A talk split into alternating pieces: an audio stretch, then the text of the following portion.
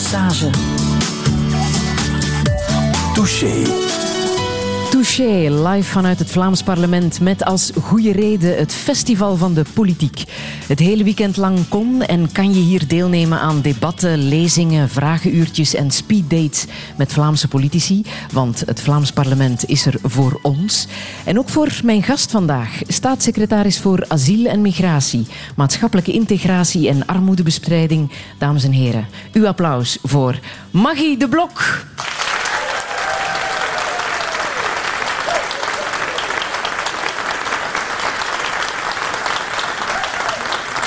Mevrouw De Blok, dit huis is niet uw werkterrein. Hè. U zit in, uh, met uw federaal departement twee kilometer verderop, dacht ik, maar u komt hier wel vaak. Ja, uh, maar uh, vroeger ook al hadden wij vaak overleg hier ook met de Vlaamse fracties. En ik heb het weten ja, renoveren, weten oprichten.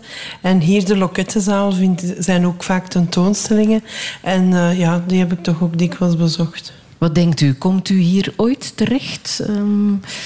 Oh, ik weet In het Vlaams parlement? Dat is zo onvoorspelbaar in de politiek waar je gaat terechtkomen. Uh, dus ik, uh, ik I go with the flow eigenlijk. Zou u het willen? Uh, het lijkt mij ook wel interessant.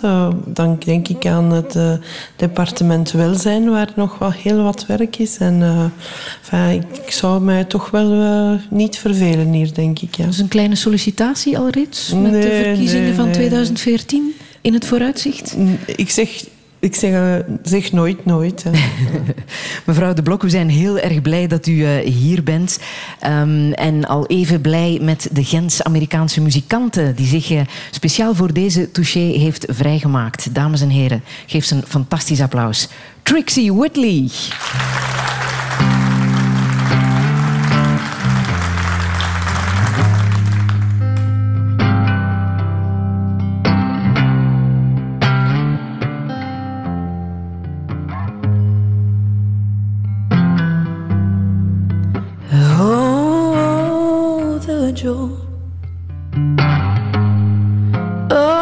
The heat shines through your soul like the source of a child's lullaby. And I, I woo our mountain top thoughts can wait.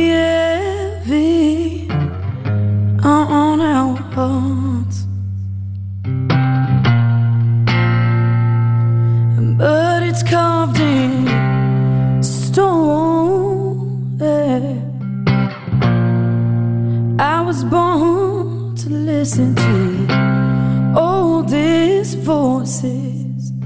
When the world turns silent and it's filled with things. There be no wilderness.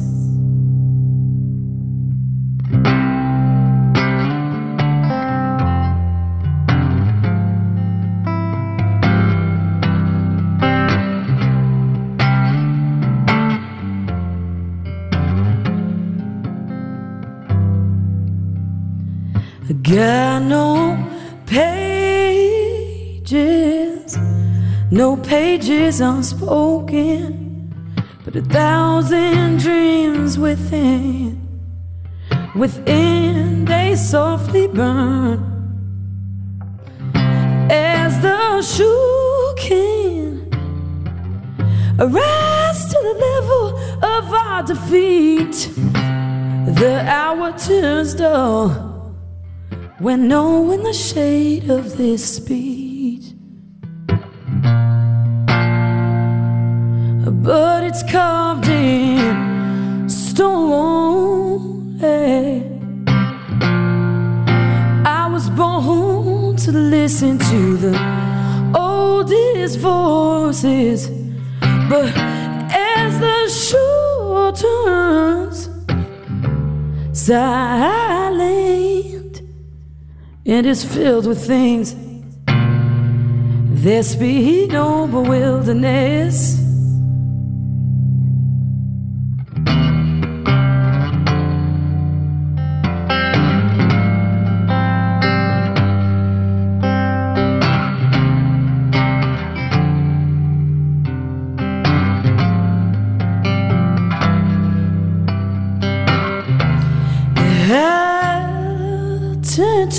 song of 100 candlelights. Oh, the joyful for all that shines.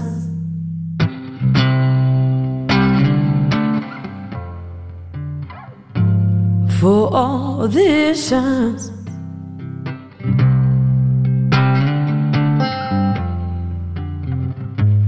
For all that shines.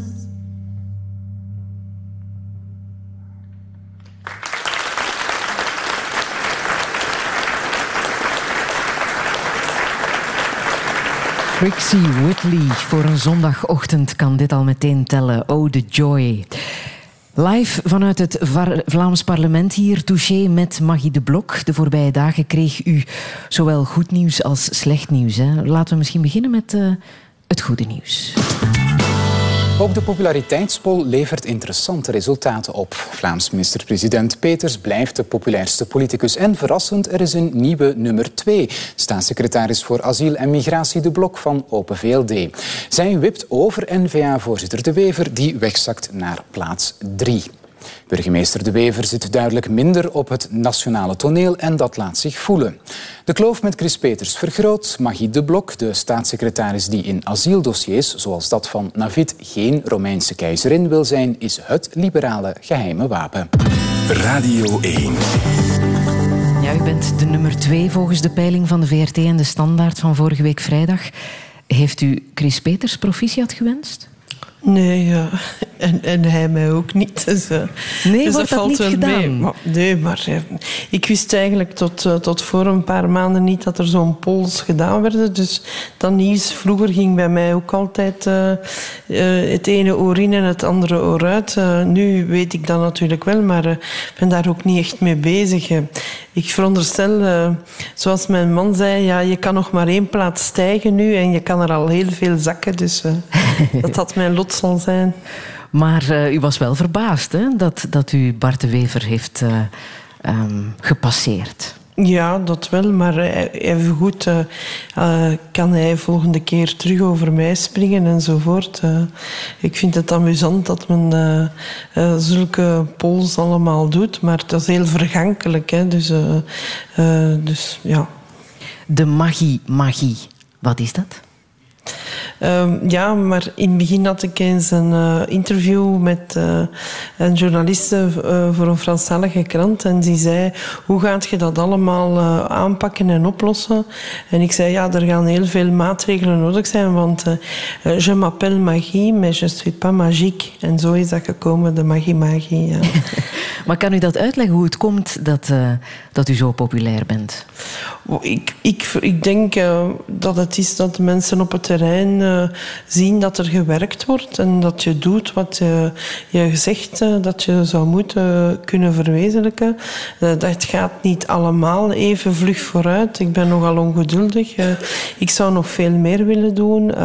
maar ja, de, de resultaten zijn toch zichtbaar op het terrein. En ik denk dat dat is wat de mensen appreciëren. Mm, en ze laten het ook echt blijken, hè? want op straat wordt u al nageroepen. Ja, uh, maar ik krijg de ene keer de bloemen en de andere keer de pot. Hè. Ja. ja. Zelfs hier in de zaal zitten fans van u. Ja, ik vind uh, eigenlijk tot mijn grote verbazing dat ik hier redelijk veel mensen ken, precies. Ja. Die speciaal voor u naar hier zijn gekomen. Uh, Het kan dus, als, als politica kan u populair zijn. Ja, maar ik denk dat het allemaal kort bij elkaar ligt hoor. De ene dag ben je verguisd en de andere dag ben je populair. Ja. Dat is waar, want laten we even teruggaan naar twee jaar geleden. De start die was een beetje ongelukkig. Dat klonk zo bij Gilles de Koster in de ochtend. Wat is uw ervaring met asiel en migratie, mevrouw de Blok? Ik heb weinig ervaring met asiel en migratie. Dat is voor mij echt iets om mij nu gaan in te verdiepen, de eerstvolgende weken. Ja, wat is het eerste wat u gaat doen als eh, bevoegd staatssecretaris? Wel, ik ga eerst uh, een maand zwijgen. Is het waar? ja, en uh, echt goed nadenken wat er gaat moeten gebeuren. Ja. Touché. Een maand zwijgen, dat had u toen gezegd. Heeft u daar spijt van dat u het zo heeft verwoord? Ja, moest ik geweten hebben hoeveel werk er te doen was, dan zou ik gezegd hebben, ik ga drie maanden zwijgen. maar er is veel commentaar geweest hè, op die uitspraak.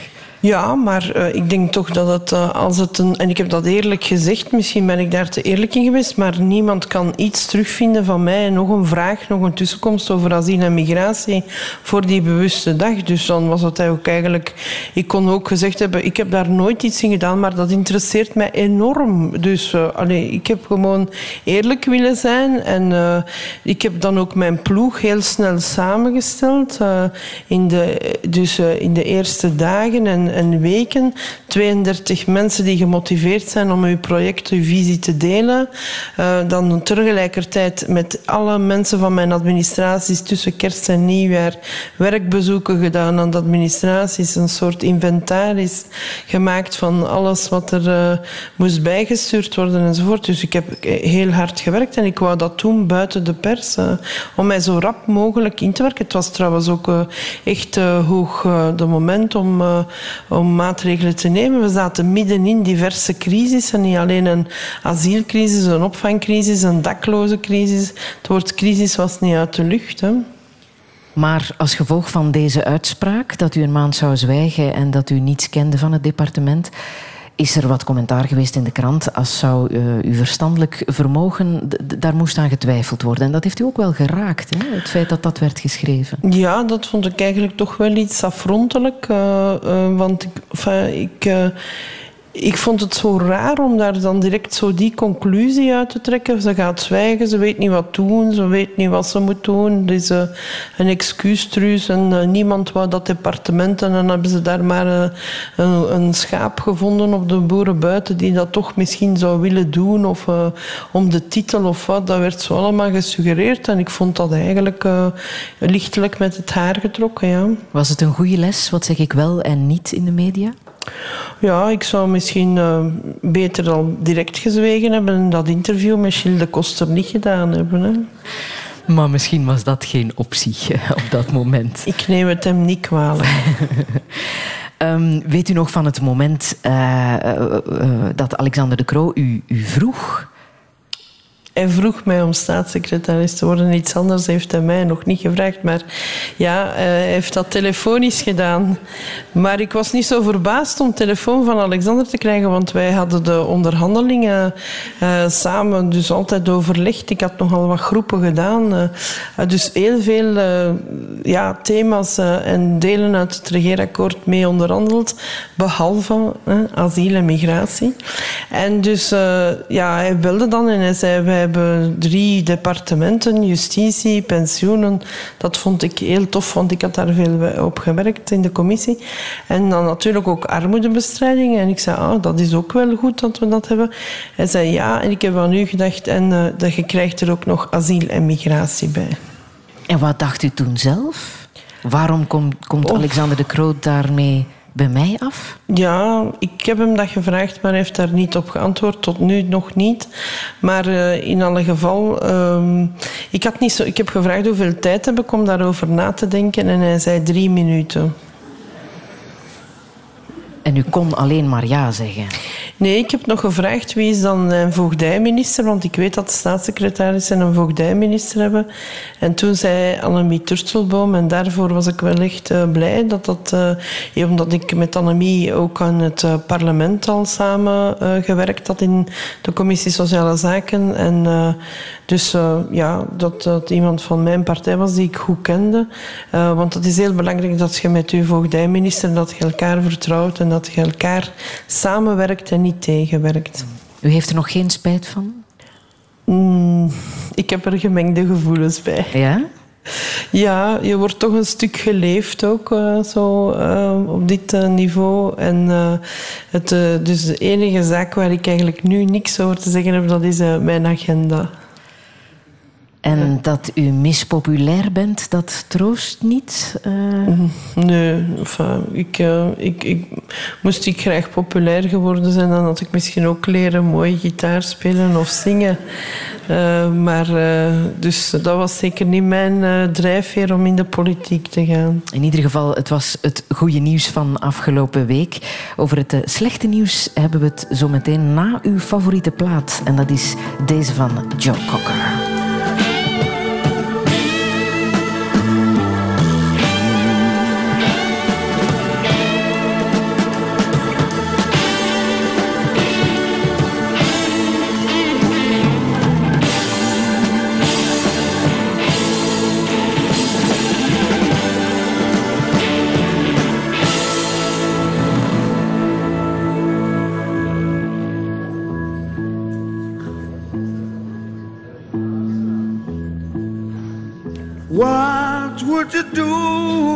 Sang out of tune, would you stand up and walk out on me?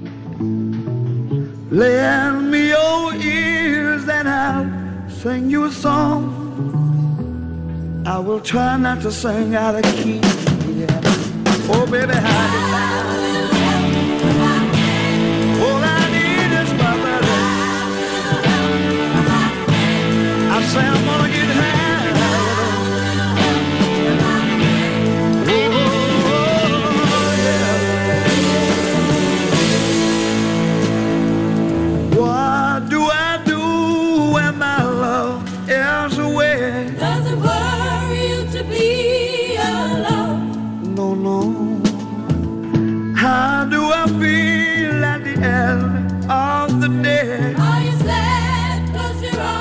Child, don't say no more.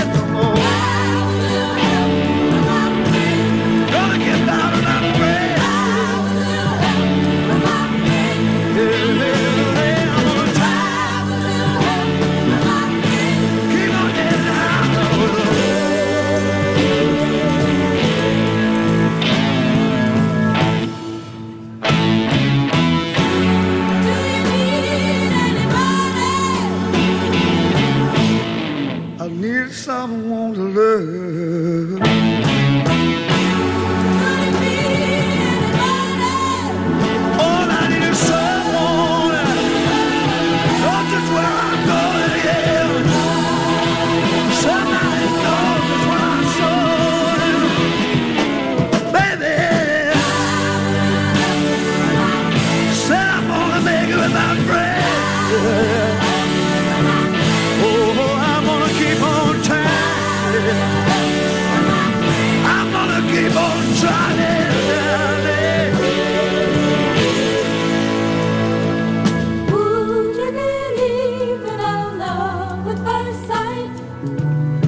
Certain it happens all the time. Yeah.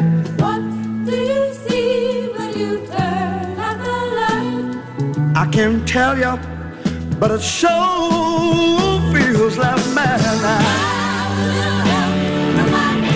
Don't you know I'm gonna make it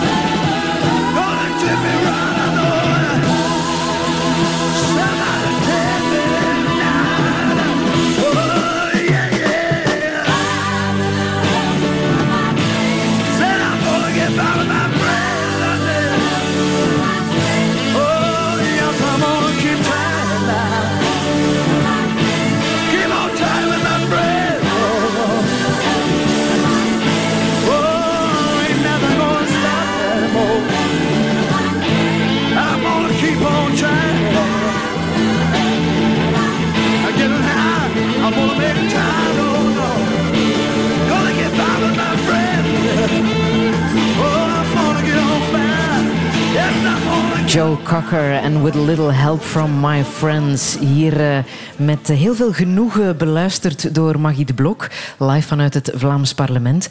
Het is echt een van uw favoriete nummers, want u bent hem zelfs uh, live gaan bekijken. Ja, um, het is uh, een, een, atypische zanger ook, vind ik. En hij is zeer muzikaal. En dan spreekt de, de tekst mij ook aan, want uh, ja, je moet uh, hulp van vrienden hebben in het leven. alleen sta je nergens, vind ik. Ja. Bent u zelf een goede vriendin? Uh, ik probeer dat te zijn, maar ja, nu uh, is dat vaak met uh, sms'en en kleine telefoontjes. En dan, ja, tot zo biedt, want er komt nog iemand binnen en dan klak. Ik ben ook zo'n dochter nu, klak.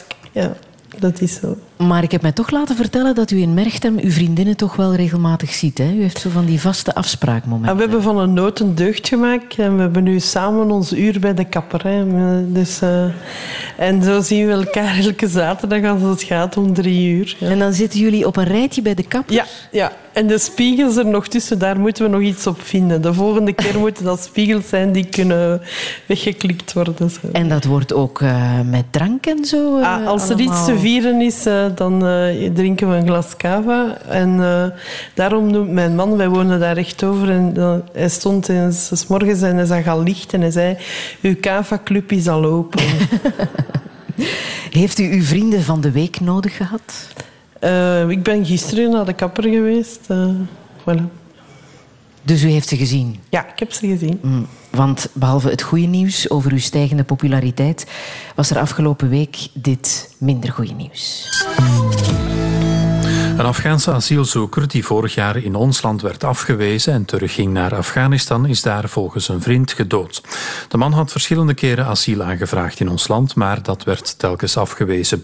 Vorig jaar keerde hij vrijwillig terug naar Afghanistan en daar is hij volgens advocaat Ivo Flachet gericht gedood. Wij zijn natuurlijk onder de indruk, uh, dat nog niet dikwijls meegemaakt. En wij denken dat deze zaak aantoont dat men moet stoppen met het terugsturen van vluchtelingen naar een land in oorlog. En dat is Afghanistan nog, nog altijd. Hè. Radio 1. Meteen mee. Touché. Het nieuws over de uitgewezen Afghaan die in zijn thuisland vermoord is. Het is zijn moeder die zijn dood heeft uh, bevestigd. Wat voelde u als mens, als moeder, toen dit nieuws binnenkwam? Wel, persoonlijk vind ik natuurlijk dat het sterven van iemand altijd uh, confronterend is uh, met uh, hoe je op het verkeerde moment op de verkeerde plaats kan zijn. Dus ik vind dat eigenlijk de dood van een mens altijd erg. Maar dat uitgerekend deze jongen vanuit België is teruggestuurd? Ja, hij had een negatieve adviezen gekregen, dus hij had geen recht op politiek asiel. Hij is dan toch vrijwillig teruggegaan en dan naar gelang de bronnen. Wij hebben vernomen 14 maanden, maar dat doet er nu eigenlijk niet toe.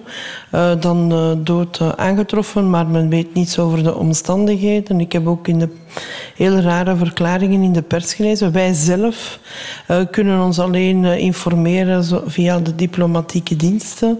Dus ik ben niet zeker of we het ooit helemaal zeker gaan weten. Maar jullie zoeken het nog wel uit? Wij, wij hebben natuurlijk in Afghanistan zelf weinig onderzoek aan te doen. Hè. Dat is een, een, een, land waar wij zelf uh, geen onderzoeken kunnen doen. Als zo'n jongen teruggaat naar zijn land, is er dan op een of andere manier nog contact met uh, organisaties? Ja, hij had begeleiding via de internationale organisatie voor migratie. En uh, blijkt dat hij die afspraken nagekomen is en dat hij daar. Uh, maar die was dus nu al afgelopen, want dat is naar gelang drie maand, zes maanden tot een jaar is die begeleiding. Dus dat is een van de zaken die bij vrijwillige terugkeer ook voor gezorgd wordt van hieruit. Afghanistan blijft toch wel een gevaarlijk land. Ja, dat is ook de reden waarom we nu bijna aan uh, 60 procent uh, bescherming uh, bieden aan mensen met asielaanvragen uit Afghanistan. en dus in Europa is dat uh, een gemiddelde van 49 procent. Dus ons commissariaat-generaal is wat men noemt ruimer in het geven van bescherming aan Afghanen. Uh, maar niet, uh, het is geen 100 procent. De voorbije twee jaar zijn er nog van dit soort probleemdossiers in het nieuws gekomen. Hè. Onder andere Navid Sharifi, Parvez Sangari, Scott Magno. We hebben al die reacties even op een rij gezet. De jonge Afghaan van 20 heeft hier werk en een pleeggezin. Maar hij is uitgeprocedeerd en moet terug naar het land waar zijn vader vermoord werd. Er zijn heel wat mensen die gezegd hebben: Oké, wij gaan met de piloot spreken. Wij vinden dit ook niet correct. Wij gaan aan de piloot vragen om niet te vertrekken. Meteen na zijn aankomst in de luchthaven van Kabul zocht Parwijs contact met zijn oom en tante. Maar die laatste aarzelde om hem in huis te nemen. Ze is bang dat haar neef haar gezin in gevaar zal brengen. Je mag alleen vanavond bij ons logeren. Wat hem na vandaag te wachten staat, is onzeker. Ik weet het niet. Ik voel me niet veilig. Kijk, wanneer dat iemand zo ver gaat dat hij zijn lippen dichtnaait, dan moet je het toch eens voorstellen, um, en beslist om meer dan 70 dagen niet meer te eten, dan is er sprake van pure wanhoop. En dat briefje dat mevrouw De Blok heeft gestuurd, gaat dan niet voldoende zijn om die mensen op andere gedachten te brengen. Waar zijn we mee bezig? Waar is Maggie De Blok mee bezig? Dat kan niet langer meer doorgaan. Wij kunnen ons niet meer als een beschaafde natie voordoen als wij deze situatie zo laten. Ja, ik ben heel bang voor de toekomst, want uh, ik zit in een situatie van onzekerheid. Het is moeilijk om te zeggen over je toekomst. Want je weet het nooit wat gaat gebeuren morgen. Hier aangekomen en hij had niemand. Maar hij heeft zichzelf opgewerkt. Hij heeft zijn eigen werk. Hij huurt zijn huisje. Spreekt Nederlands. Heeft een vriendin. Hij, ja, hij doet alles wat, wat een andere Belgiër ook doet. Hoe kan je het nu in godsnaam uitleggen dat je mensen als Scott Magno, Parvez Sangari, etc. en nu deze Navid, dat je die verwijdert en de criminelen niet verwijdert? Dat is onuitlegbaar. Moet ik echt naar Afghanistan gaan om te doodgaan? En ik weet niet eigenlijk wat moet ik doen. Allee, het is spelen met mijn leven. Iemand die hier perfect geïntegreerd is, die hier ook werkt. Dus op het moment dat hij eigenlijk kan renderen voor de samenleving, sturen we hem terug. Ik denk dat iedereen gewoon aanvoelt dat er daar een probleem is. Mevrouw De Blok, zijn de wetten altijd belangrijker dan de mensen? Wel, de wetten zijn uh, in deze uh, gemaakt en worden door mij gerespecteerd. Dat is ook mijn, mijn taak als er een politieke wil is om die wetten te veranderen. En dan moet ik andere wetten uitvoeren, dan zal dat even goed mijn taak zijn. Dus ondertussen voer ik de wetten uit en respecteer ik de wetten voor iedereen. En ik vraag, ik zet ook iedereen gelijk voor de wet. Of het nu een Afghaan is, een Congolees of een Guinees. Voor mij is de wet de wet en ik uh, behandel de mensen allemaal gelijk. Ik vind ook, en ik heb dat ook aan de Afghaanse delegatie gezegd, dat uh, ja, ons commissariaat uh, terecht zeer voorzichtig is. En ik weet dat zij niet over één nacht ijs gaan als zij een beslissing treffen. En het is dan aan mij om die beslissing ook te respecteren. Dus ja, het, je kan de mensen het meeste respect betuigen als je ze gelijk behandelt voor de wet. En dat doe ik. Een van de criticasters vroeg zich ook af of u goed slaapt. Uh, ik slaap te weinig, maar dat is daaraan niet gelegen. Dat is gewoon omdat ik te laat thuis ben en te vroeg op. Uh, maar uh, in ieder geval, um, ik vind ik voer het beleid uit en ik doe wat ik moet doen. Uh, je kan geen. Uh, men, men, zou misschien alles terug kunnen zeggen. We gaan terug overal uitzonderingen opmaken en dat kan niet en dit kan niet. Want in die commentaren, excuseer dat ik het u nu zeg, maar dat is ook een stuk politiek geprofilering. Hè. Op één geval gaat men daar dan uh, toch maar eens uh, uh, mevrouw De Blok nog eens door de modder gaan sleuren, al dan niet terecht. Maar dus ik voer het beleid uit en ik vind dat ik dat verplicht ben ook om te doen. Mm -hmm. U heeft er zelfs ook eens een taart voor in uw gezicht gekregen. Hoe gaat u om met dat soort kritiek? Uh, ik ben daar niet langer blijven bij stilstaan dan het wegvegen van de overigens zeer slechte uh, slagroom. Uh, dus, en ik ben dan direct die armoedeprijs gaan uitreiken bij de mensen in het auditorium die daar ook op mij zaten te wachten en die eigenlijk niet wisten waarom er zo een zure geur rond mij hing, denk ik. Uw favoriete schilderij is De Schreeuw van Edvard Munch. Ja. Mag ik dat symbolisch bekijken? Ehm, dat gaat over het, ehm, de angst, onzekerheid, psychisch lijden. En als arts is dat eh, een van de moeilijkste zaken om vast te stellen. De oorzaak en zeker de remedies om aan eh, eh, psychisch lijden tegemoet te komen. Het is veel gemakkelijker om een lichamelijke klacht vast te stellen en te detecteren en ook om ze te verhelpen. Mooie woorden die we alleen maar kunnen aanvullen met mooie muziek van Trixie Whitley.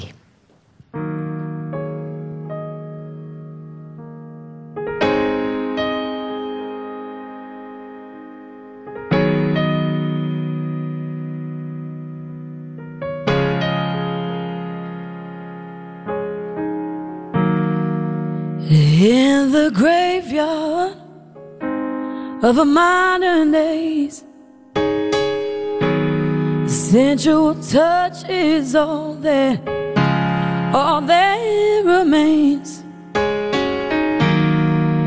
You blew the, the fragile grace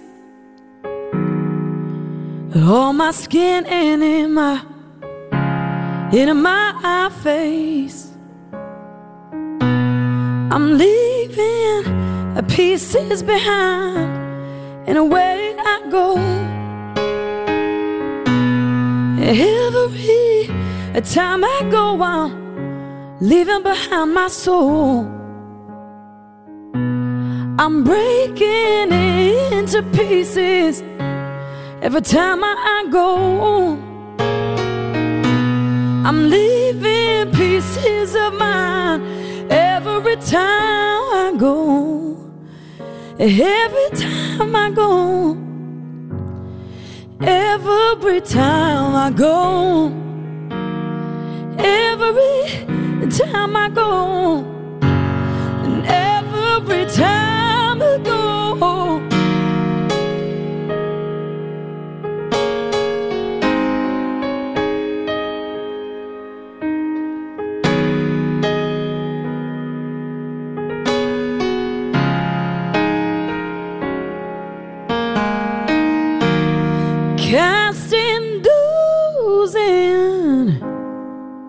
The rose of the mind flow. Emptiness is always on the go. I'm gliding in the mirrors, gathering the symptoms of all we have and all we all we don't know. I'm leaving pieces behind, and away I go. Every time I go, I'm I'm leaving behind my soul. I'm breaking, I'm breaking into pieces every time I go. I'm I'm leaving pieces of mine every time I go. Every time I go. Every time I go. Every time I go. Every time I go. Every time I go. Every time I go,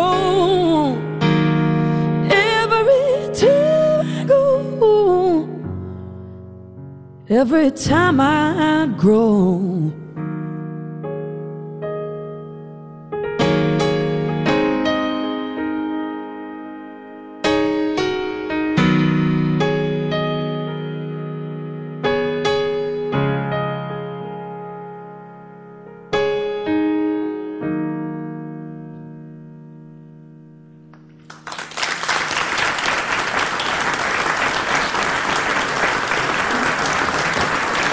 Het is zelden zo stil in het Vlaams parlement als nu tijdens eh, Pieces van eh, Trixie Whitley.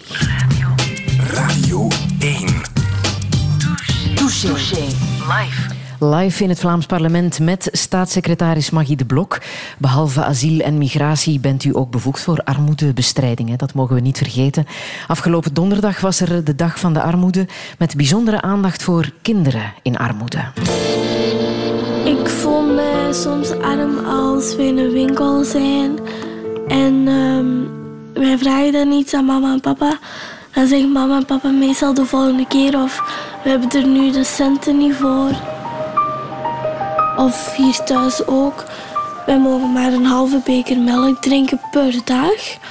En dat is meestal 's morgens, omdat anders is de melk al direct op. En dan, ja, dat is dan soms spijtig, omdat je dan echt wel zin hebt in melk en dan moet je water gaan drinken.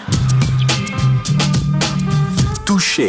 Live. Een treffend fragment uit de panorama-reportage Arm Vlaanderen. Wat is het meest schrijnende dat u zelf heeft gezien op het vlak van kinderarmoede in ons land? Wel, donderdag ben ik in uh, ja, gesprek gegaan met kinderen in scholen. En uh, wat mij daar frappeerde, dat was dat er zo vaak het woord honger uh, uitkwam. En dan denk je, ja, hier in wat toch wel een, een welstellend land is, dat er nog zoveel kinderen schrik hebben van honger of honger ervaren hebben. Dat is eigenlijk het meest bijgebleven. En heeft u daar een verklaring voor hoe dat komt? Wel, um, ja, het is zo dat uh, uh, als er uh, weinig geld is, dat er dan ook op eten bespaard wordt. En de mensen ja, willen hun huishuur betalen, hun, de energiekosten. En dan blijft er denk ik altijd minder en minder over om te eten. Heeft u zelf iets gemist als kind, als u dit ziet in 2013? Hoe kijkt u dan naar uw eigen jeugd terug?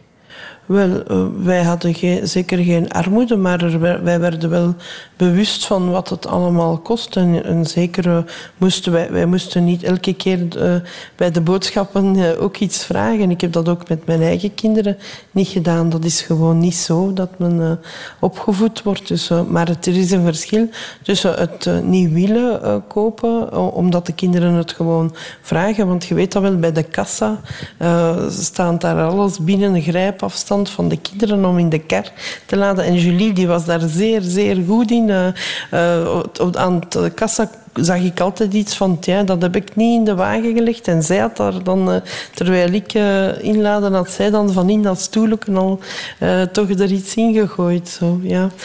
Maar er is een verschil tussen het niet willen doen en het niet kunnen doen. En als het dan gaat om een, een beker melk, dan is dat wel een verschil natuurlijk dan een pakje snoepjes. Ja. Wat heeft u dan gezegd donderdag tegen de kinderen toen u in gesprek ging met hen? Ik heb vooral geluisterd en uh, ik heb ook uh, een, uh, wat in ons kinderarmoedeplan zit. Dus met die leerkrachten. Dat was een, een, school waar een heel mooi duurzaam project is om het opsporen van kinderen in problemen. Want blijkt dan één jongetje, en dat heeft mij ook wel, die zei: Het is dan nog niet alleen dat je al die miserie thuis hebt, maar dan word je daar ook nog voor gepest op school.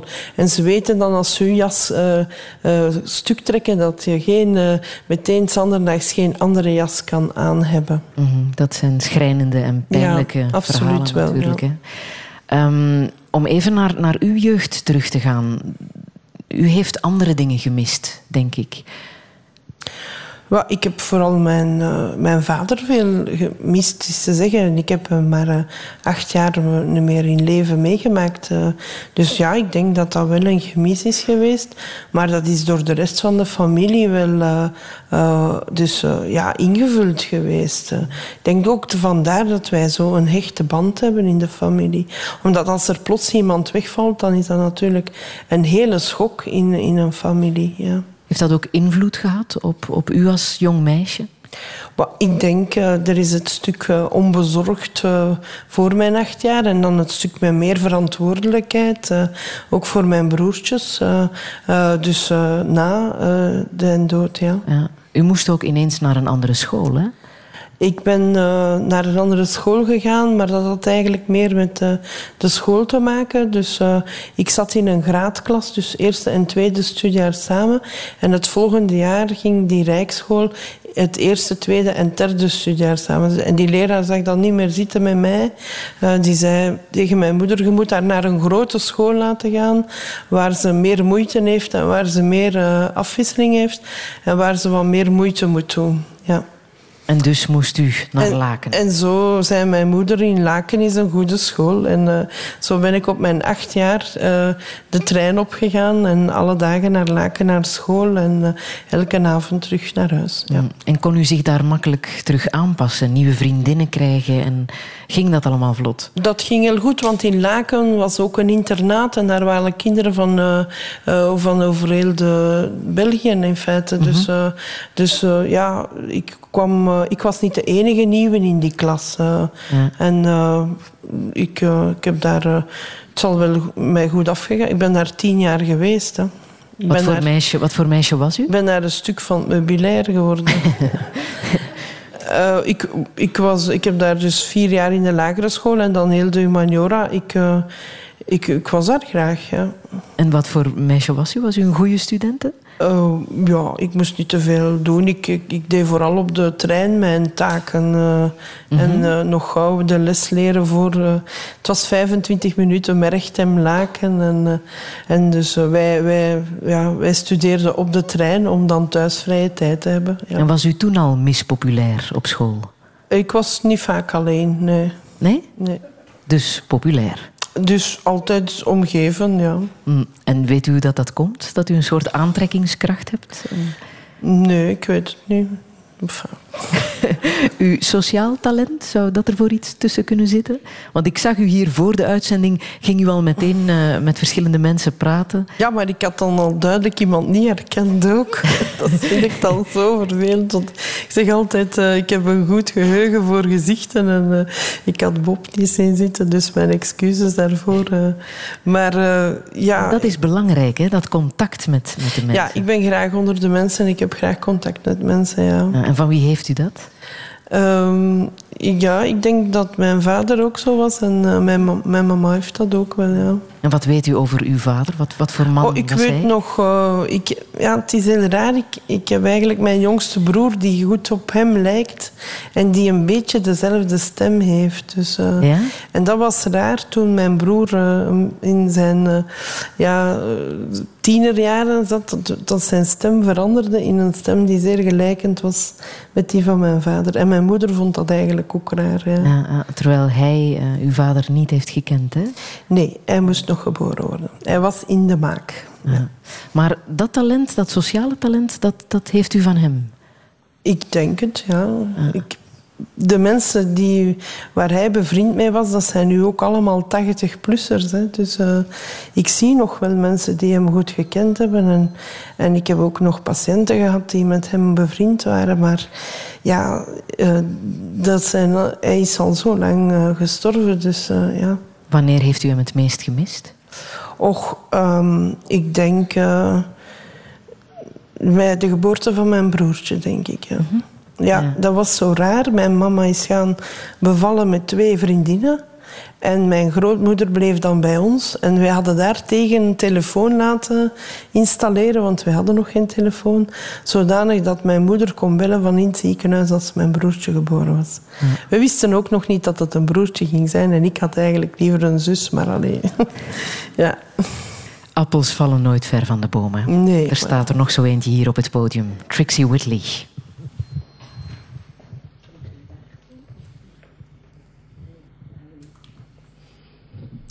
Kan u mij horen? Hallo.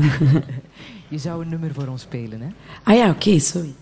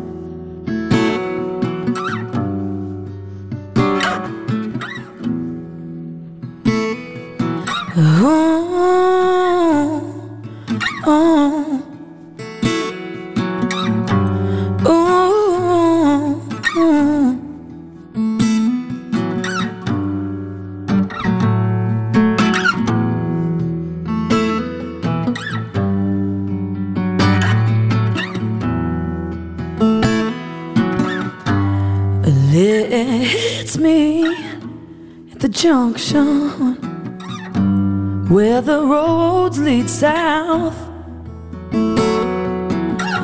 When the clock hits four and the, and the prayers strike again, perhaps we'll find a name to this shame. I patiently waited my turn. I, I welded shield to not get burned. Condemned into the eye of a sleeping mind, a sleeping mind. Gotta go. I gotta find my home. Gonna walk through the border, the fourth corner. Gotta go. Gotta find my home. Gonna walk through the border, the fourth corner.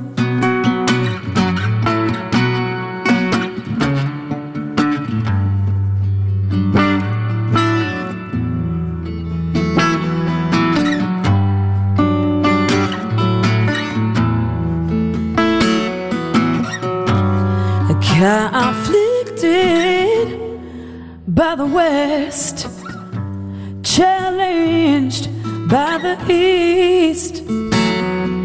I've always been a town dog, belonging to these, belonging to these concrete streets.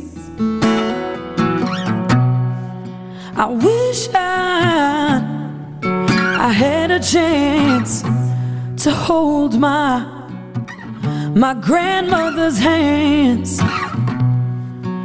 soak into the nights with fumes of our our bloodline, but I I gotta uh, go. I gotta find my home.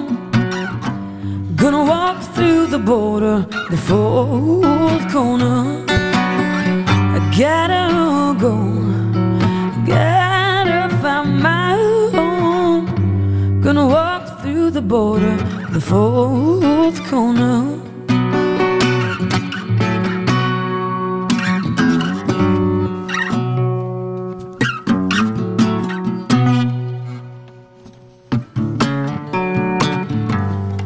I gotta go. Find myself a home. I,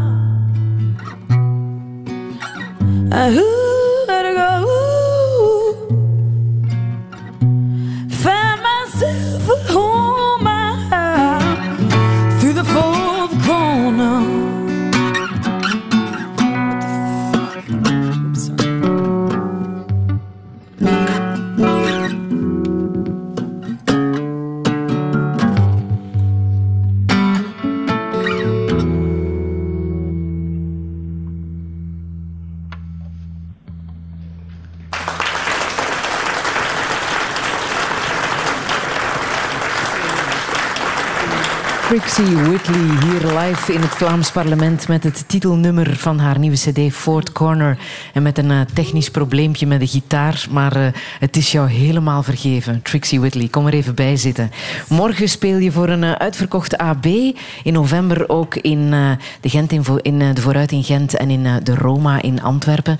Trixie, heel fijn dat je er bent. Fort Corner gaat eigenlijk over de bevoegdheid van Magie de Blok, hè?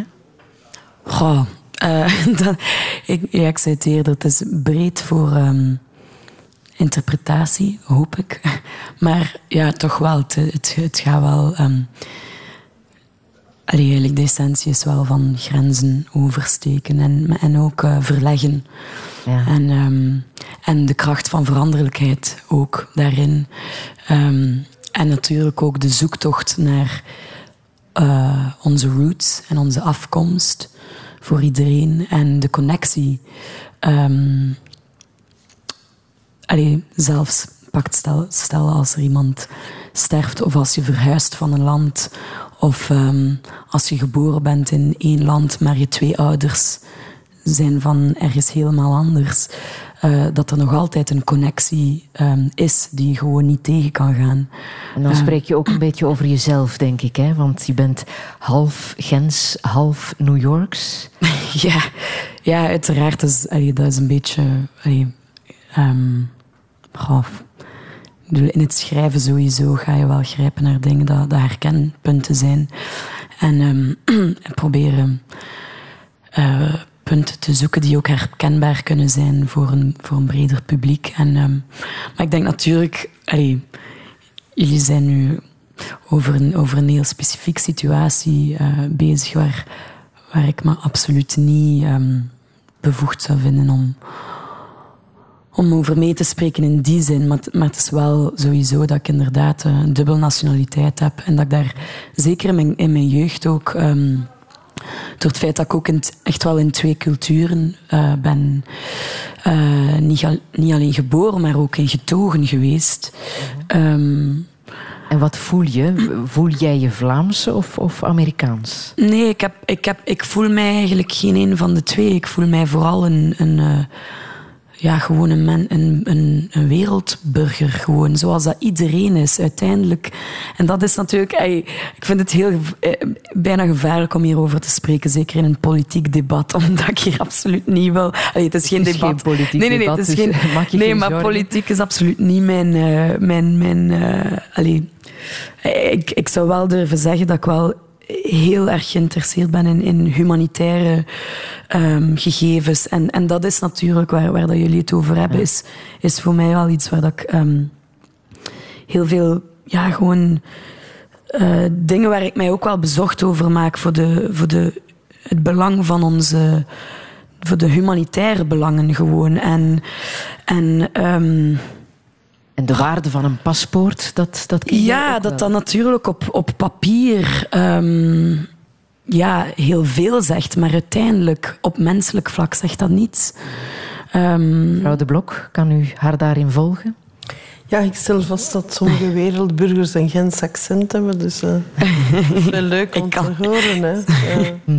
Maar u heeft zelfs ook plannen gehad ooit om eh, een Ja. ander continent te gaan opzoeken. Hè? Ja, wel, geneeskunde studeren. Ik zou graag in Afrika. Wel, ik vond dat daar nog heel veel werk was. Eh, ik bewonder ook het eh, werk dat eh, Marleen Temmerman daar gedaan heeft. eh. En waarom heeft u het Ehm, nooit gedaan? Ja, ik ben eigenlijk eh, te vroeg eh, mijn, eh, mijn lief tegengekomen. Ah, het is zijn schuld. En die zag dat zo niet zitten om naar Afrika te gaan. Ja. Dus dan ben ik dan ook maar onder de kerktoren van Merchtem gebleven. Ja. Maar dat zag u wel zitten? Ja, ja werken. maar vroeger met mijn vriendin dan zei ik... eh, ik ga geneeskunde studeren en dan naar Afrika. Ja. Het is er niet van gekomen. Afrika is er niet van gekomen. Trixie heeft het wel gedaan, hè? carrière opgebouwd, ook in eh, Amerika. Ja. Maar toch het blijft hard werken. Hè? Ik las ergens in een interview dat je toch schrik blijft hebben om in een kartonnen doos op straat te belanden.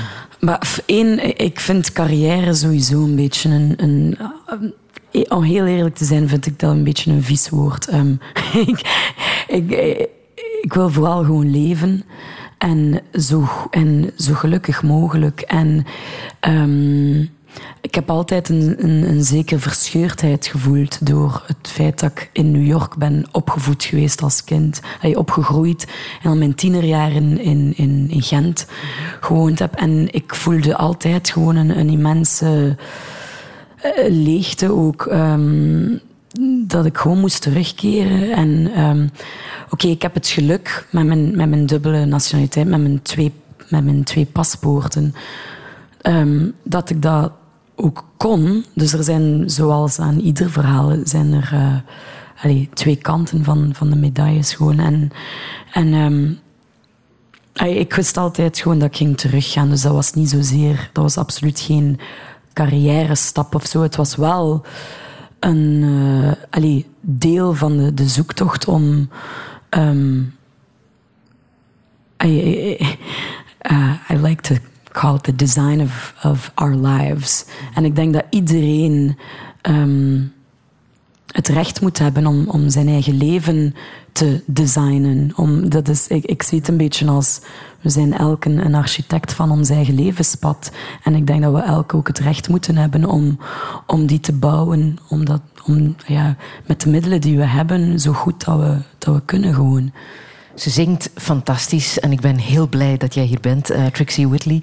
Je bent ook wel muziekliefhebber, mag ik zeggen, hè? Mag je de Blok? Want je hebt een nummer gevraagd van eh, Paul McCartney, Some Days. Prachtig nummer. Ja. Dat die niet eens zo bekend is. Nee, en dat is het, eh, eigenlijk eh, het lied dat mijn beste vriendin, die nu vanuit Frankrijk luistert, eh, dat zij zo mooi vond, die tekst. Zij is een grote fan van McCartney, maar zij luistert ook... En het is ook typerend voor haar en haar man als koppel. Ja. We zullen het laten horen.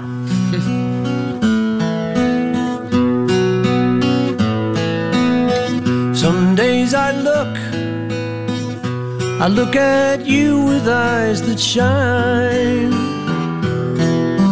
Some days I don't, I don't believe that you are mine. It's no good asking me what time of day it is, who won the match or scored the goal.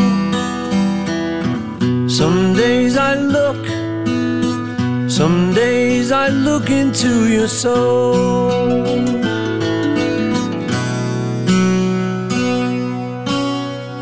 Sometimes I laugh, I laugh to think how young we were. Sometimes it's hard, it's hard to know which way to turn.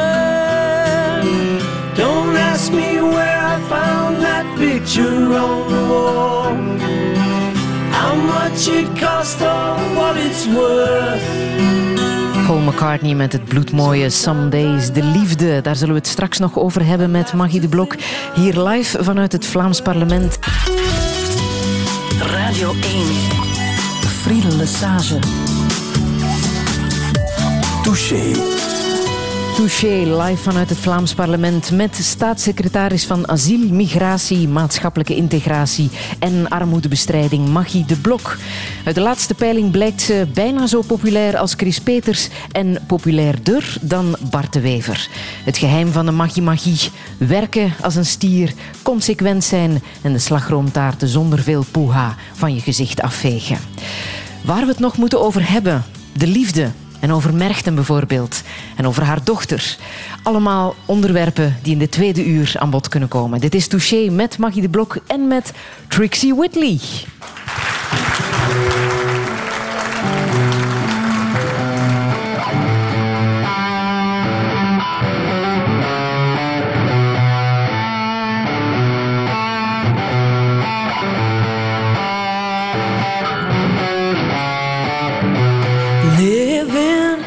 In the room that I always dreamed of. Watching the blood running down the tiles, the worries live on the shore. Don't rise, don't rise in the river's flow. I've been stuck in the valley, cast in motion. Soldier held by the you. I need your love.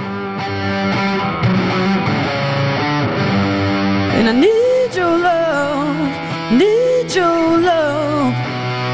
I need to feel with you right now. And I need your love, I need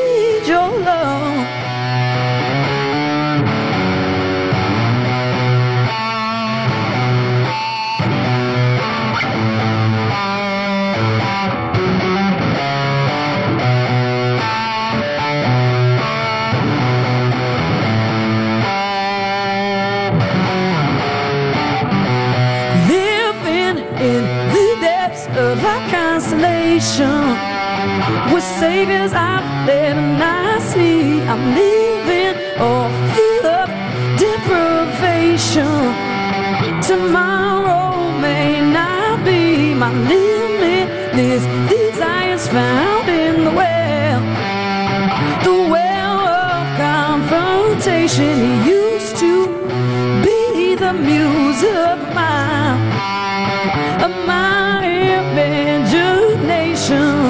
and I need your love, and I need your love. I need to feel with you right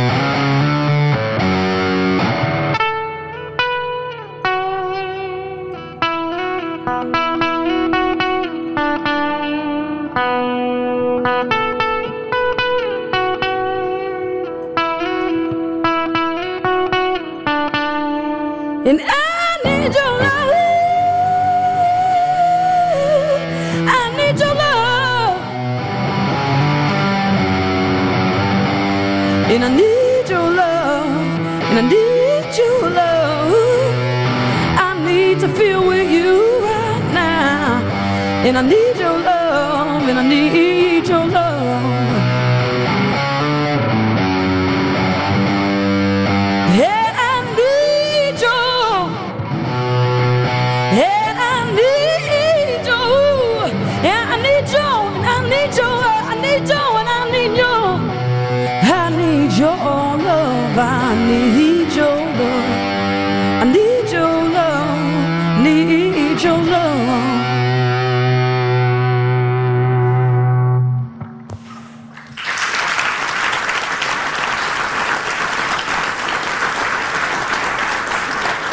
Trixie Whitley met Need Your Love. Opgevoed op de vele podia en studio's waar haar vader wijle Chris Whitley speelde, Maggie de Blok. Was het voor u als kind snel duidelijk wat u zou worden later als u groot zou zijn? Ehm, ik denk eh, ongeveer halfweg mijn humaniora is de zin er gekomen om eh, geneeskunde te gaan studeren. Ja. En waarom geneeskunde? Och, eh, ik denk uit nieuwsgierigheid. Ik wou weten eh, wat houdt een mens eh, zijn lichaam in orde en wat kan er mislopen en wat is daar dan aan bij te sturen. Eigenlijk nieuwsgierigheid. Ja. Ja. Is het zo dat als u mensen ziet, u meteen kan zeggen, "Hmm, die heeft daar last van of die zou dringend naar de dokter moeten? Ehm, ja, het is zoals een, ik denk, ik, hoor, ik zie hier ook een muzikale begaafdheid. Ik denk eh, het feit van eh, te weten welke richting je moet uitgaan bij onderzoeken. Als je de anamnese hebt gehoord, dat dat toch een beetje een, een, een, een gave is, een gevoel is. Zo. Gelukkig moeten wij niet meer zelf proeven van de urine, zoals vroeger eh, de dokters moesten doen. dus eh, wat dat betreft... eh, maar ik, ik, er zijn veel technieken nu, beeldgevende technieken en andere. Maar ik denk dat het gevoel van een arts van het zou wel eens dat kunnen zijn, nog belangrijker is. Maar als van uw medewerkers een beetje mankt, dan kan u meteen zeggen, Ja. Dat is het wel. probleem. Ja, het gebeurt. Ja, onlangs is er een, eentje van mijn medewerkers die naar eh, eh, ja, een verre reis eh, ge- gedaan had naar de Antillen. en zij, zij was terug en zij, ik zag haar in de gang lopen en ik zei, wat heb jij aan je rechterbeen? En ze zei, ja, ik weet niet, het is zo gespannen gevoel. Ik zeg, je moet een echo laten doen, want je zult een klontertje hebben in je been. En het was zo. Ah ja, het andere dag heeft ze gebeld. Ik moet zes weken eh antistollingspreparaten slikken. Want ja, Straks komt iedereen van het publiek, denk ik, even bij u langs, mevrouw de Blok. ja. Wat vond u nu het leukste aan de opleiding? Want het is toch wel een behoorlijk zware opleiding. Ehm, het leukste... ehm, eh, ik, zeg, ik zal u zeggen wat ik niet leuk vond. Dat waren de, eh, de snijzalen. Drie halve dagen per week. eh, eh, Bedoelt u dan de- de- dissecties? Ja, de dissecties. Ja. En eh, dus eh, de eerste dissecties in eh, dierkunde, dat waren muskusratten. En daar ben ik ook geen grote fan van. Dus, dus dat zijn zo de zaken die mij bijbleven. Maar wat vond ik wel prettig, dat was veel stages doen. Drie jaar was dat halftijd stages. En ja, dat vond ik het heel leuk.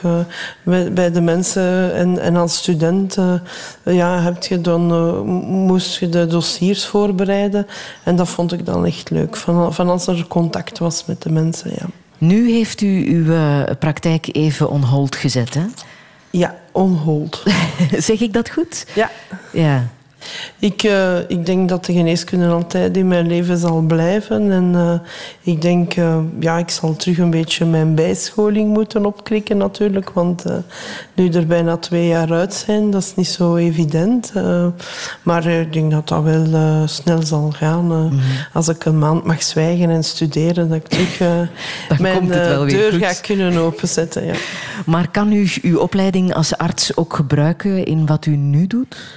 Het gaat altijd om mensen in mijn departementen en dat is natuurlijk belangrijk. Uh, en de bagage die je gekregen hebt als arts, neem je mee. Het gaat om verhalen van mensen, om uh, mensen die ja, in uh, problemen zitten. die, moeten, die vaak heel diep gaan, hè? Die diepgaand zijn, ja. En die ook ja, het, een, een, een, hele geschiedenis hebben meegemaakt. of ja, de, de worsteling om uit armoede te geraken, zoals de intergenerationele armoede enzovoort. Ja. Als ze zeggen dat u hardvochtig bent, hoe antwoordt u dan? Ja, men mag dat zeggen, maar ik vind dat van mijn eigen niet. Uh, dus uh, uh, ik zou dat. Ik heb altijd veel om mensen gegeven en nu ook nog. Alleen is het wel zo dat een beleid maken, dat dat eigenlijk een beetje het individu moet overstijgen. Ja. Mm, zeker. In, uh... En dat je ja, op bepaalde momenten, en dat leer je ook als arts, de emotie en de reden moet kunnen loskoppelen. Mm. Behalve die liefde voor de geneeskunde heeft politiek er ook altijd wel ingezeten. Hè? Weet u van waar dat komt? Ja, ik heb de politiek leren kennen via mijn man. Uh, en uh, ik heb eigenlijk mijn man leren kennen via de politiek. En ik weet niet meer uh, wat dat eerste was. ja. Nee? En wanneer is Madeleine Albright daarin tussen gekomen? Dat... ik had gezien in de standaard dat er een, een, boek over haar, uh, dat zij een biografie geschreven had. En dan ben ik me daar geweldig beginnen in verdiepen. Maar ik heb dat niet alleen met haar gedaan, maar ook met Catharina de Grote. Ik vind dat zijn zo van die vrouwen die eigenlijk te vroeg geboren zijn en die uh, toch wel zeer geëngageerd zijn geweest en, uh, en ja, die ook van alles hebben meegemaakt. Ja. Ik wil Madeleine Albright even laten horen. We are more and more conscious of the fact that we have to help each other. I have my motto now is there's a special place in hell for women who don't help each other. Uh, and uh, that it's very important that when you climb the ladder of success, you don't push the ladder away from the building, you know. Radio 1. De Amerikaanse minister van Buitenlandse Zaken geweest, Madeleine Albright. Ze is volgens haar, er is volgens haar een speciale plaats in de hel voor vrouwen die elkaar niet helpen. En het is erg belangrijk om de ladder van succes die je hebt beklommen niet van het gebouw weg te halen. Ja, ik vind dat zeer nuchtere analyse. Ja, ja daarin bent u een beetje gelijkend op Madeleine Albright. Oh, ik denk, denk dat ik nog niet tot aan haar enkels kom, maar uh, uh, ik, ik vind dat dat is wat iets wat ik in haar waardeerde. Uh, zo, als zij moest gaan onderhandelen ook. Zij had haar eigen stijl. En zij ging dan onderhandelen tussen uh, toch ook niet niks uh, in het Midden-Oosten. En dan had zij soms zo rare brosjes op, waar, uit al, waar je al kon uit leren van hoe is haar stemming enzovoort. Ah, ja? ja? En wat is het geheim daarachter? Wel, het was een soort beeldspraak die zij gebruikte zonder iets te zeggen. Dan, mm -hmm. ja. Heeft u dat ook? Nee, ik doe geen brosjes op. maar heeft u andere manieren om te laten weten wat u eigenlijk wil zeggen? Uh, bij mij is het meestal verbaal, ja. Mm -hmm. En een goede woordvoerster. En een goede woordvoerster, maar die heeft wel met mij haar handen vond, denk ik. Want uh, uh, ja, er bestaat zoiets als. Er zijn mensen die zeggen, je moet daar een opleiding en mediatraining. En, en uh, Alexander heeft eens gezegd, dat dat is een verloren investering, want ze laat zich niet trainen.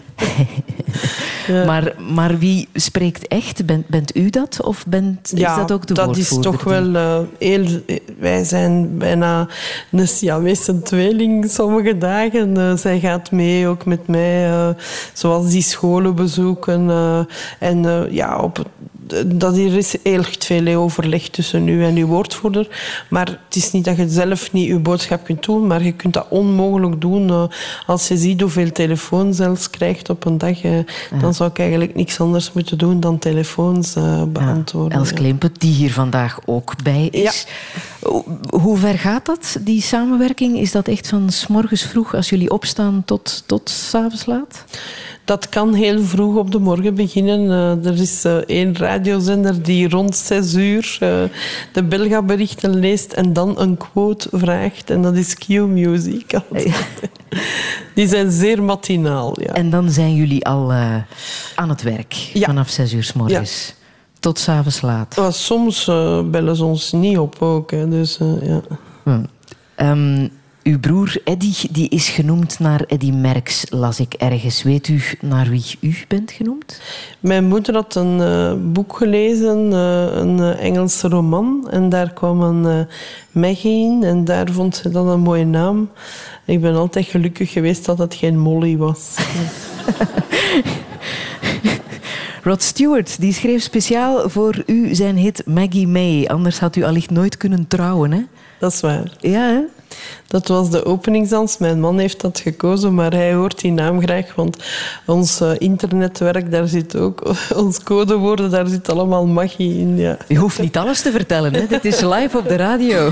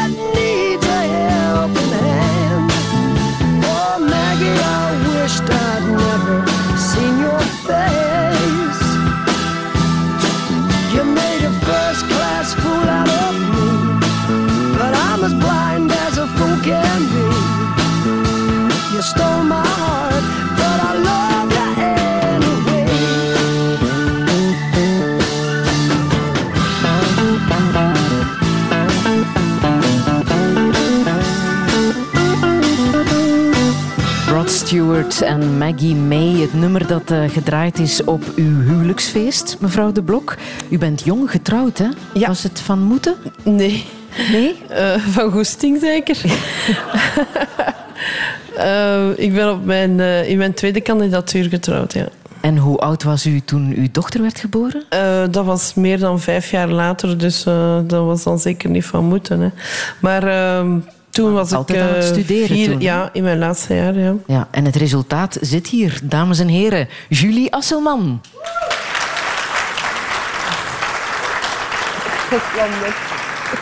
Julie, um, u weet toch dat ik u bijna had aangekondigd als Lara Asselman? Nee. Nee? Ik was niet op de Dan hoogte. moet uw moeder u iets vertellen. Ja, de uh, avond voor haar geboorte hadden wij nog... Uh, de zondagavond hadden wij naar een film gekeken, Dr. Givago. Maar mijn man heeft daar al veel keer naar gekeken. en dan zei hij... Dus de naam lag vast en dan zei hij toch uh, die laatste avond...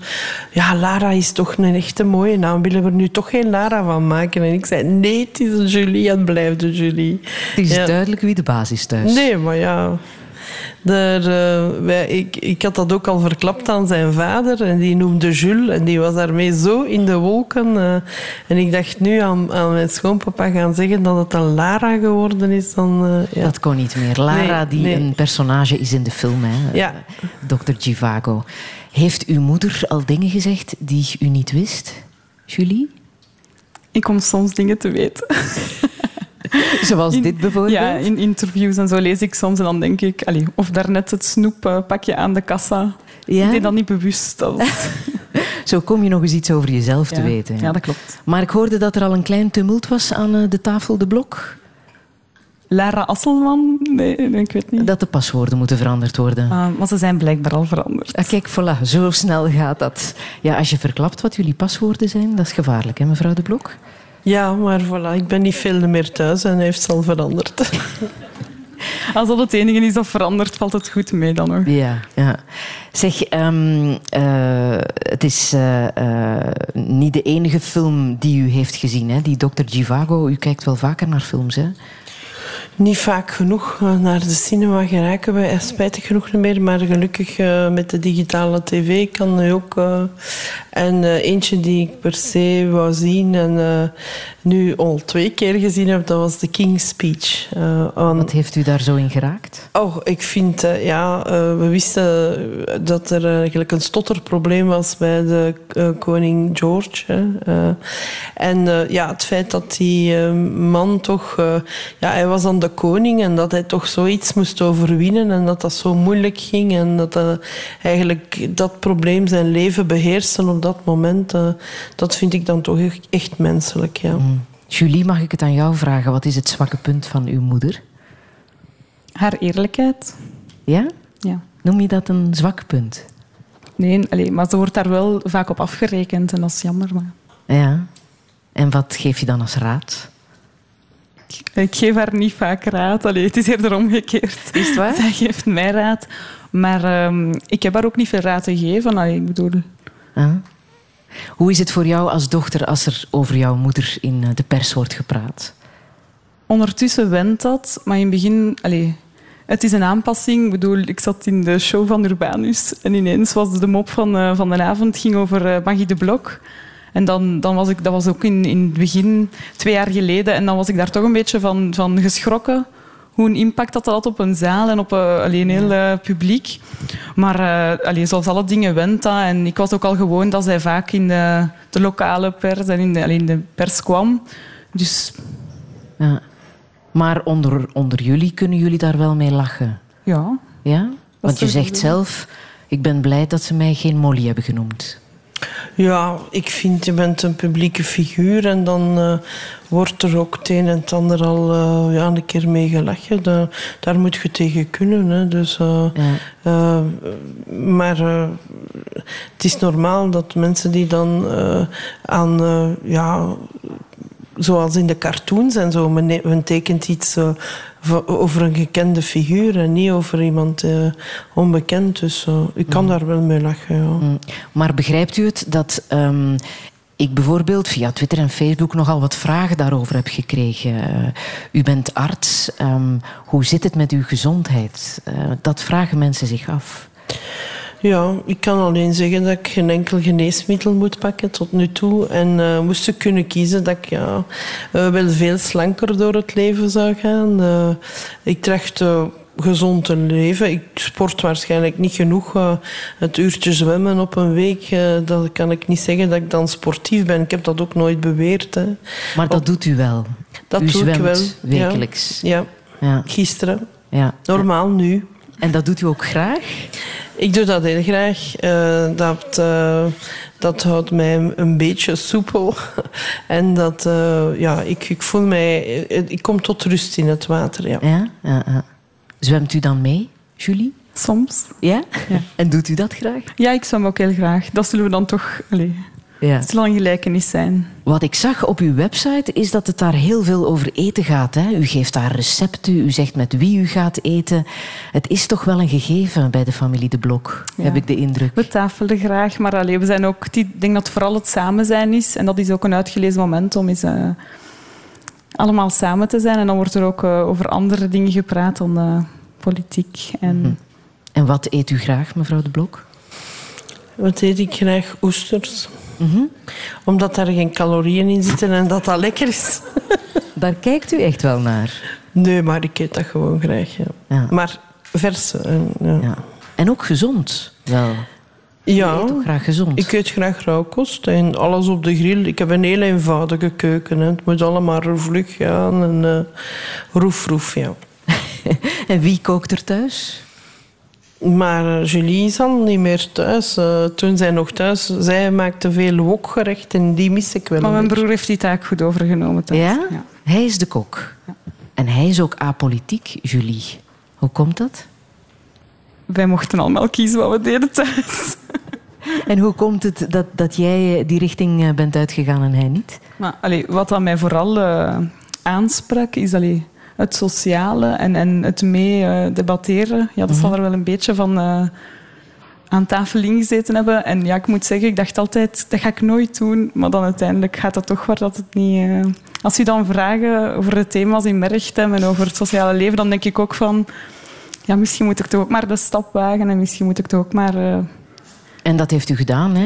Je hebt op de lijst gestaan bij de gemeenteraadsverkiezingen. Ondertussen OCMW-voorzitter. ja. Dat heeft u overgenomen van, eh, van uw vader. Ja. Hoe is dat gegaan?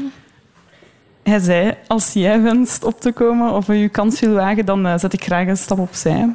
Ja, met twee zou een beetje te veel geweest zijn op één lijst. En ik heb dan ook die kans gegrepen en ik ben heel blij dat ik, eh, dat ik ondertussen ja, die kans heb gekregen en dat ik ook OCMW-voorzitter ben geworden. De nationale politiek. Is dat iets voor jou? Mm, dat is momenteel allee, een ver van mijn bedshow. Ik bedoel daarmee, ik ben daar niet mee bezig met de dingen die daarin eh, spelen. En wat, denk, wat denkt de mama? Zou ze het aankunnen, de nationale politiek? Ik denk dat het al moeilijk is om een goede OCMW-voorzitter te zijn. Ik stel voor dat ze daarmee begint. Eh, ze is verkozen geweest eh, op de 18e plaats. Dus het was zeker niet dat ze de plaats van haar papa gekregen heeft. Eh, en de mensen in Merchtem rekenen op haar om dat sociaal beleid daar voor de komende zes jaar uit te tekenen en uit te voeren. En ik denk dat dat al een hele grote uitdaging is. Julie Asselman, dames en heren. Geef ze een applaus.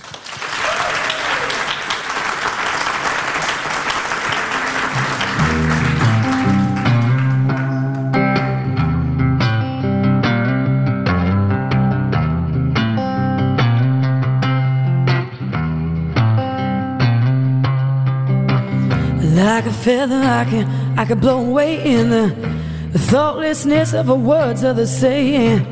Is this why you call me misfire Eyes? I never get enough for my mind.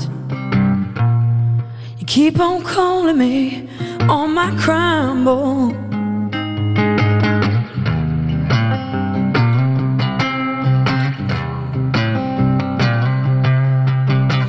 Walked with the show, wondered what I did it for. I, I yearned to learn the language instead the metaphor. And I, like a monument in disguise, I, I know well I'd lose my guy, but I, I Keep on calling me on my crime. I never get enough. I never get enough for my mind or my soul. I never get enough. I never get enough.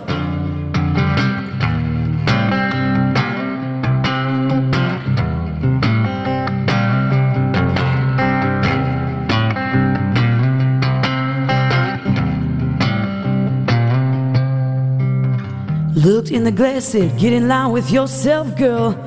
Layers of the heart, dimensions of thought, and desire is movement, but love is unmoving. You keep on calling me, keep on calling me on my board. I never get enough, I never get enough on my mind, never get enough.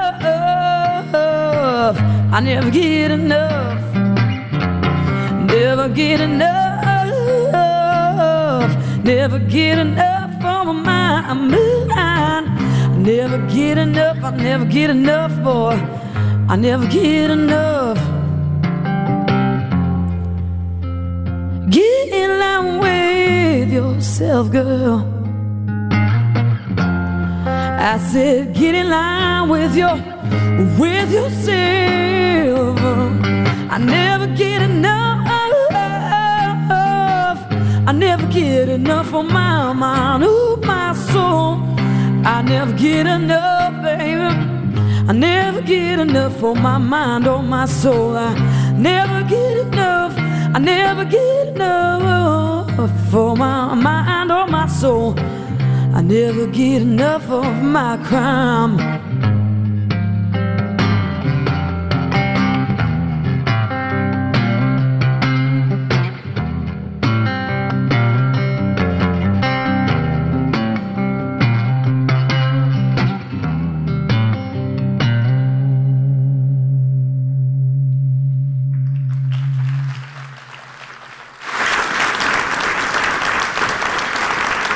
Trixie Whitley met Never Enough, een nummer uit die nieuwe CD Fort Corner, die op 18 november in eh, de winkels ligt. Touché. Live. Nog steeds vanuit het Vlaams parlement, Maggie de Blok. Gisteren was Politiek België bijeen in Gent voor het afscheid van oud-premier Wilfried Martens. Hoe heeft u afscheid genomen? Wel, ik, ik ben uh, daar niet naartoe geweest. Uh, hij is, uh, ik heb hem gekend, maar niet mee samengewerkt. het was eigenlijk iemand die al naar de Europese politiek was. toen ik een, een, aantal, 15 jaar geleden mijn intrede deed in, in de politiek. Dus, maar ik, ik, ik heb wel met Miet Smet heb ik meer de gelegenheid gehad om te praten. Want Miet was een van mijn voorgangers. En Miet was ook degene die het Klein Kasteeltje uh, opgericht. Ik zie Bob Plezier al knikken. En die daarvoor, en dat was een prestatie op zich, het geld losgekregen heeft van de toenmalige minister van Financiën, Guy Verhofstadt. En uh, dus met haar heb ik daar nog wel gesprekken over gehad. Ja. ja en veel mensen zijn ook met haar begaan. Hè, want hun liefde was allicht een van de mooiste liefdes die ons land ooit heeft gekend. Ik kende Wilfried al zeer lang en ik heb hem, eh, voor mij is Wilfried altijd uh, het ideaal gebleven. Ik ga het zo zeggen, altijd gebleven. Zo, ik zou Wilfried niet meer kunnen missen. Ik heb uh, afschuw om alleen te zijn. Dat mijn partner afwezig is, dat zou voor mij een heel groot drama zijn. Voor mij ook. Het zou voor mij ook een drama zijn. Ik zou zeker niet meer naar een andere partner zoeken. Uh, ik zou altijd denken, ik heb het beste gehad. En ik, en ik ben blij dat ik het ja, gehad heb. De herinnering zou ons troosten. Ja, zou ons troosten, het beste gehad. En nu zijn we samen en wij hopen nog op tien jaar. Hè. Ja, op tien jaar. 70, 77 moet nog kunnen. Ik word dikwijls nachts wakker en dan voel ik of hij er nog ligt. En ik luister naar zijn hart. Ik heb afschuw om alleen te zijn, zei Wilfried Martens. Herkent u dat?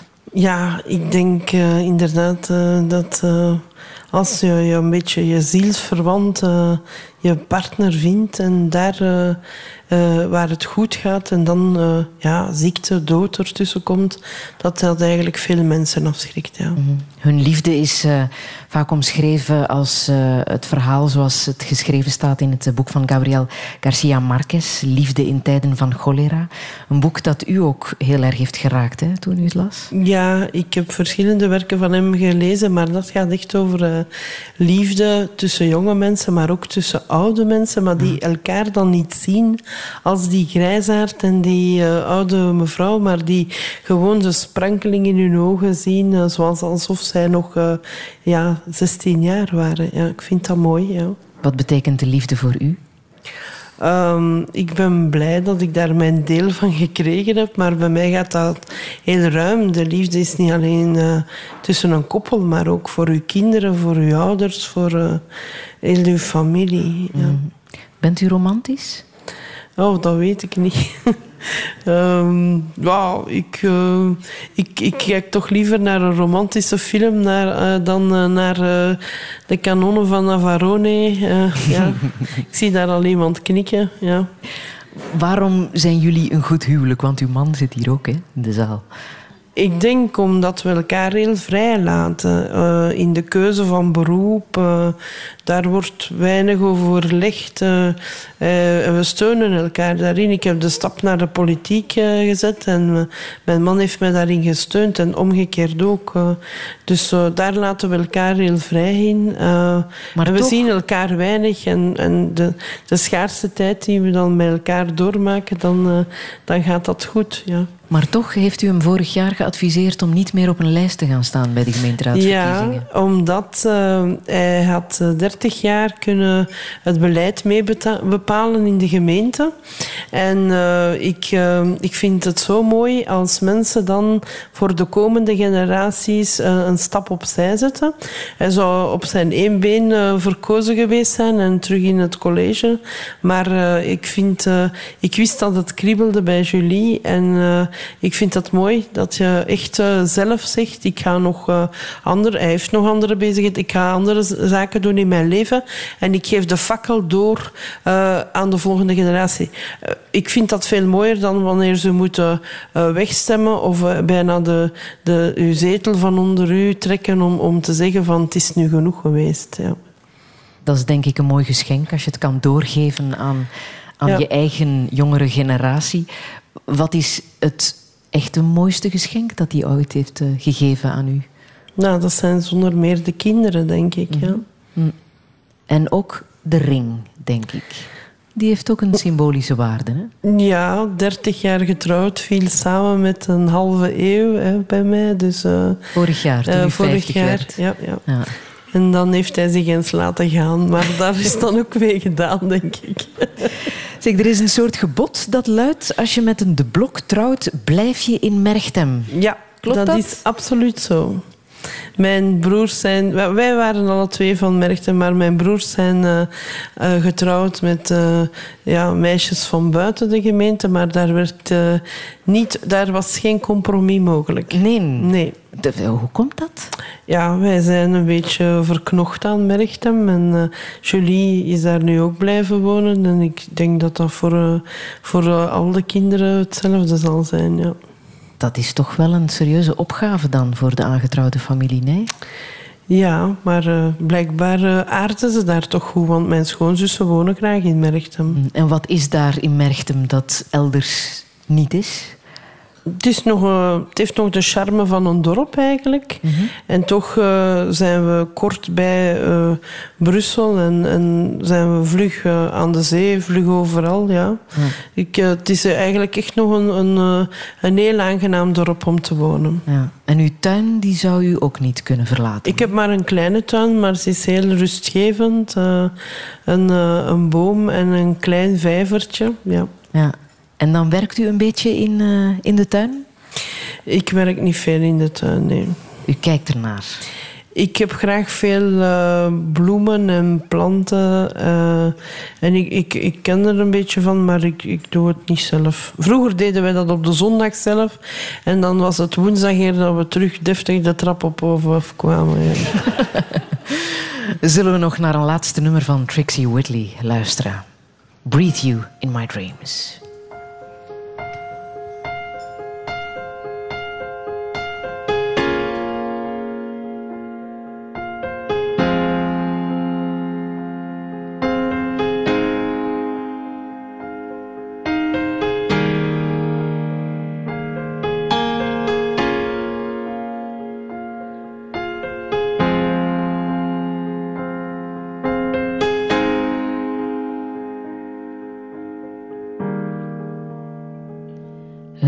Could move mountains, sail away.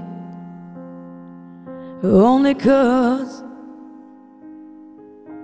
I got this much faith, this love is alive. But I'm quiet and lonely these nights. Silver shadows walking by my side. Silver shadows walking by our side. But I ain't coming. I ain't coming home tonight. But I breathe you in my dreams. And I breathe you in my dreams. I breathe you. I breathe you in my dreams. I breathe you. I breathe you in my dreams. I breathe you. I breathe you in my dreams.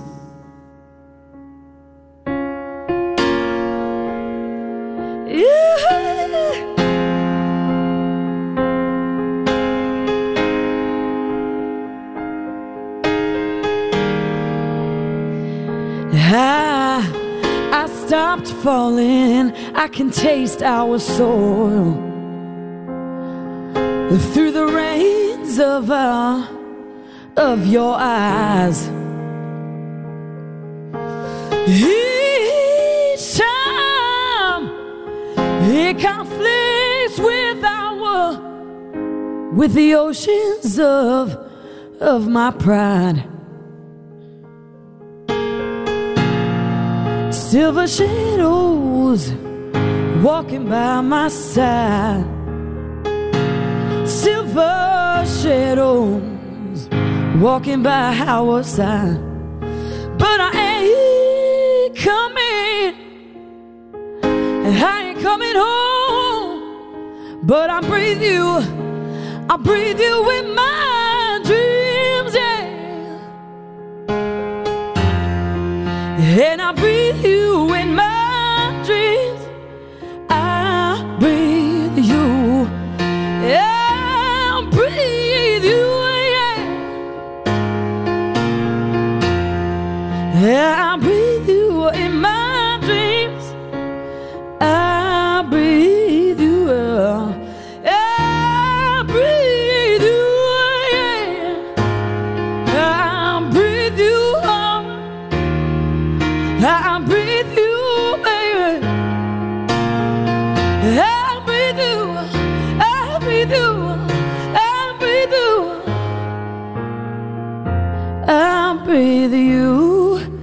in my dreams.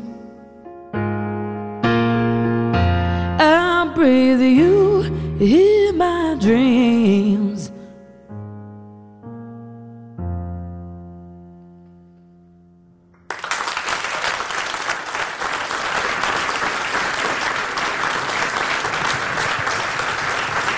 Geweldige Trixie Whitley en Breathe You in My Dreams. Met gemak krijgt ze iedereen hier stil in de lokettenzaal van het Vlaams parlement. Morgen speelt voor een uitverkocht AB.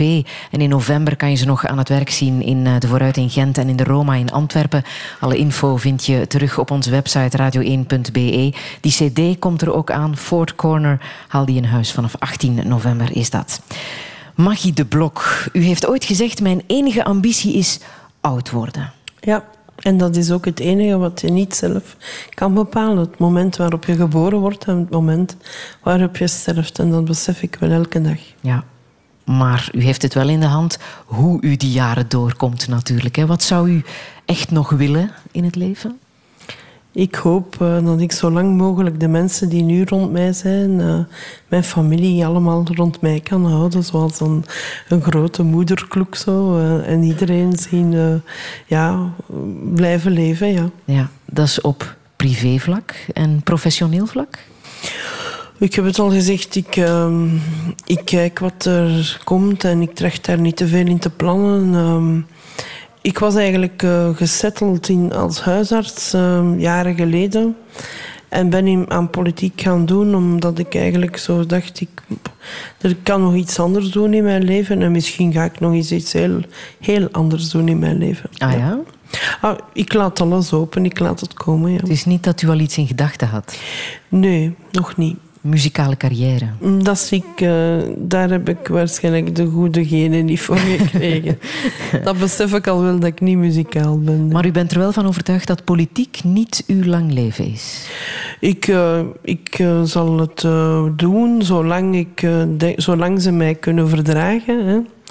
Uh, en zolang ik er uh, denk dat ik daar iets nuttig kan in doen, zeker. En, en dan ook met veel overgave. Uh, ik doe, maar ik zeg niet dat ik dat heel mijn leven zal doen. Nee. Mm -hmm. Maar nu de komende verkiezingen, daar zal al wel behoorlijk over gepraat zijn. Waar, ja. waar moeten we Magie de Blok uitspelen? ja, dat zal toch maar op één plaats kunnen zijn, hè, zoals bij iedereen. Mm -hmm. En wat zou u zelf het liefste willen? Ja, ik, ik, ik heb het gezegd, zeg nooit nooit. overal kan het boeiend zijn, maar mijn hart het ligt eigenlijk in de kamer. Ja. Zou je daar terug naartoe willen?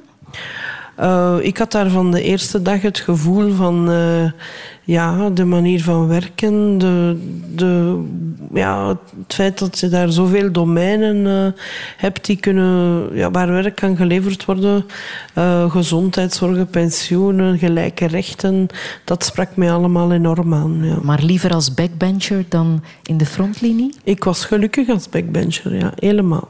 En zegt u nu, als staatssecretaris ben ik iets minder gelukkig? Um, ik, ik, ik uh, heb die taak aangenomen en ik doe dat ook. Uh, alleen uh, als je nu zo, zo zegt van ja, voor het leven dat ik vroeger had, had ik meer toch zelf in handen. Ja. Mm -hmm. Als u praat met die andere twee vrouwen van de Open VLD, Gwendoline Rutte en Annemie Turtelboom, waarover gaat het dan? Oh, dat gaan meestal uh, hebben we, moeten we veel uh, onder elkaar bespreken. Maar uh, dat kan ook al eens gaan over de kinderen. En, en dat, dat, we toch nog op een deftig uur willen thuis zijn. Ja. Helpt het dat jullie vrouwen zijn? Ehm, wel, wij spreken natuurlijk minder vaak over de voetbal dan de mannen. Hè. en dan eerder over handtassen en schoenen. Ja, dat is zo wel. Iedereen heeft direct gezien als er nog maar een vermoeden van een nieuwe handtas is. Uh, of uh, ja.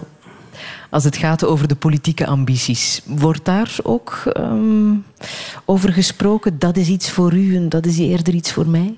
Nee, maar wat we zeker uh, gemeen hebben, dat is het feit dat we alle drie wel uh, heel hard uh, geëngageerd zijn en het beste uit ons mandaat willen halen en, en toekomstgericht werken. Dus dat is iets wat we eigenlijk delen, ja. Volgens uw partijgenoot Vincent van Quickenborne moet u mobiliteit onder uw hoede nemen. Hij twitterde vrijdag, de files zullen snel opgelost zijn. Vincent, ja. Hij tweet graag, hè. Ja,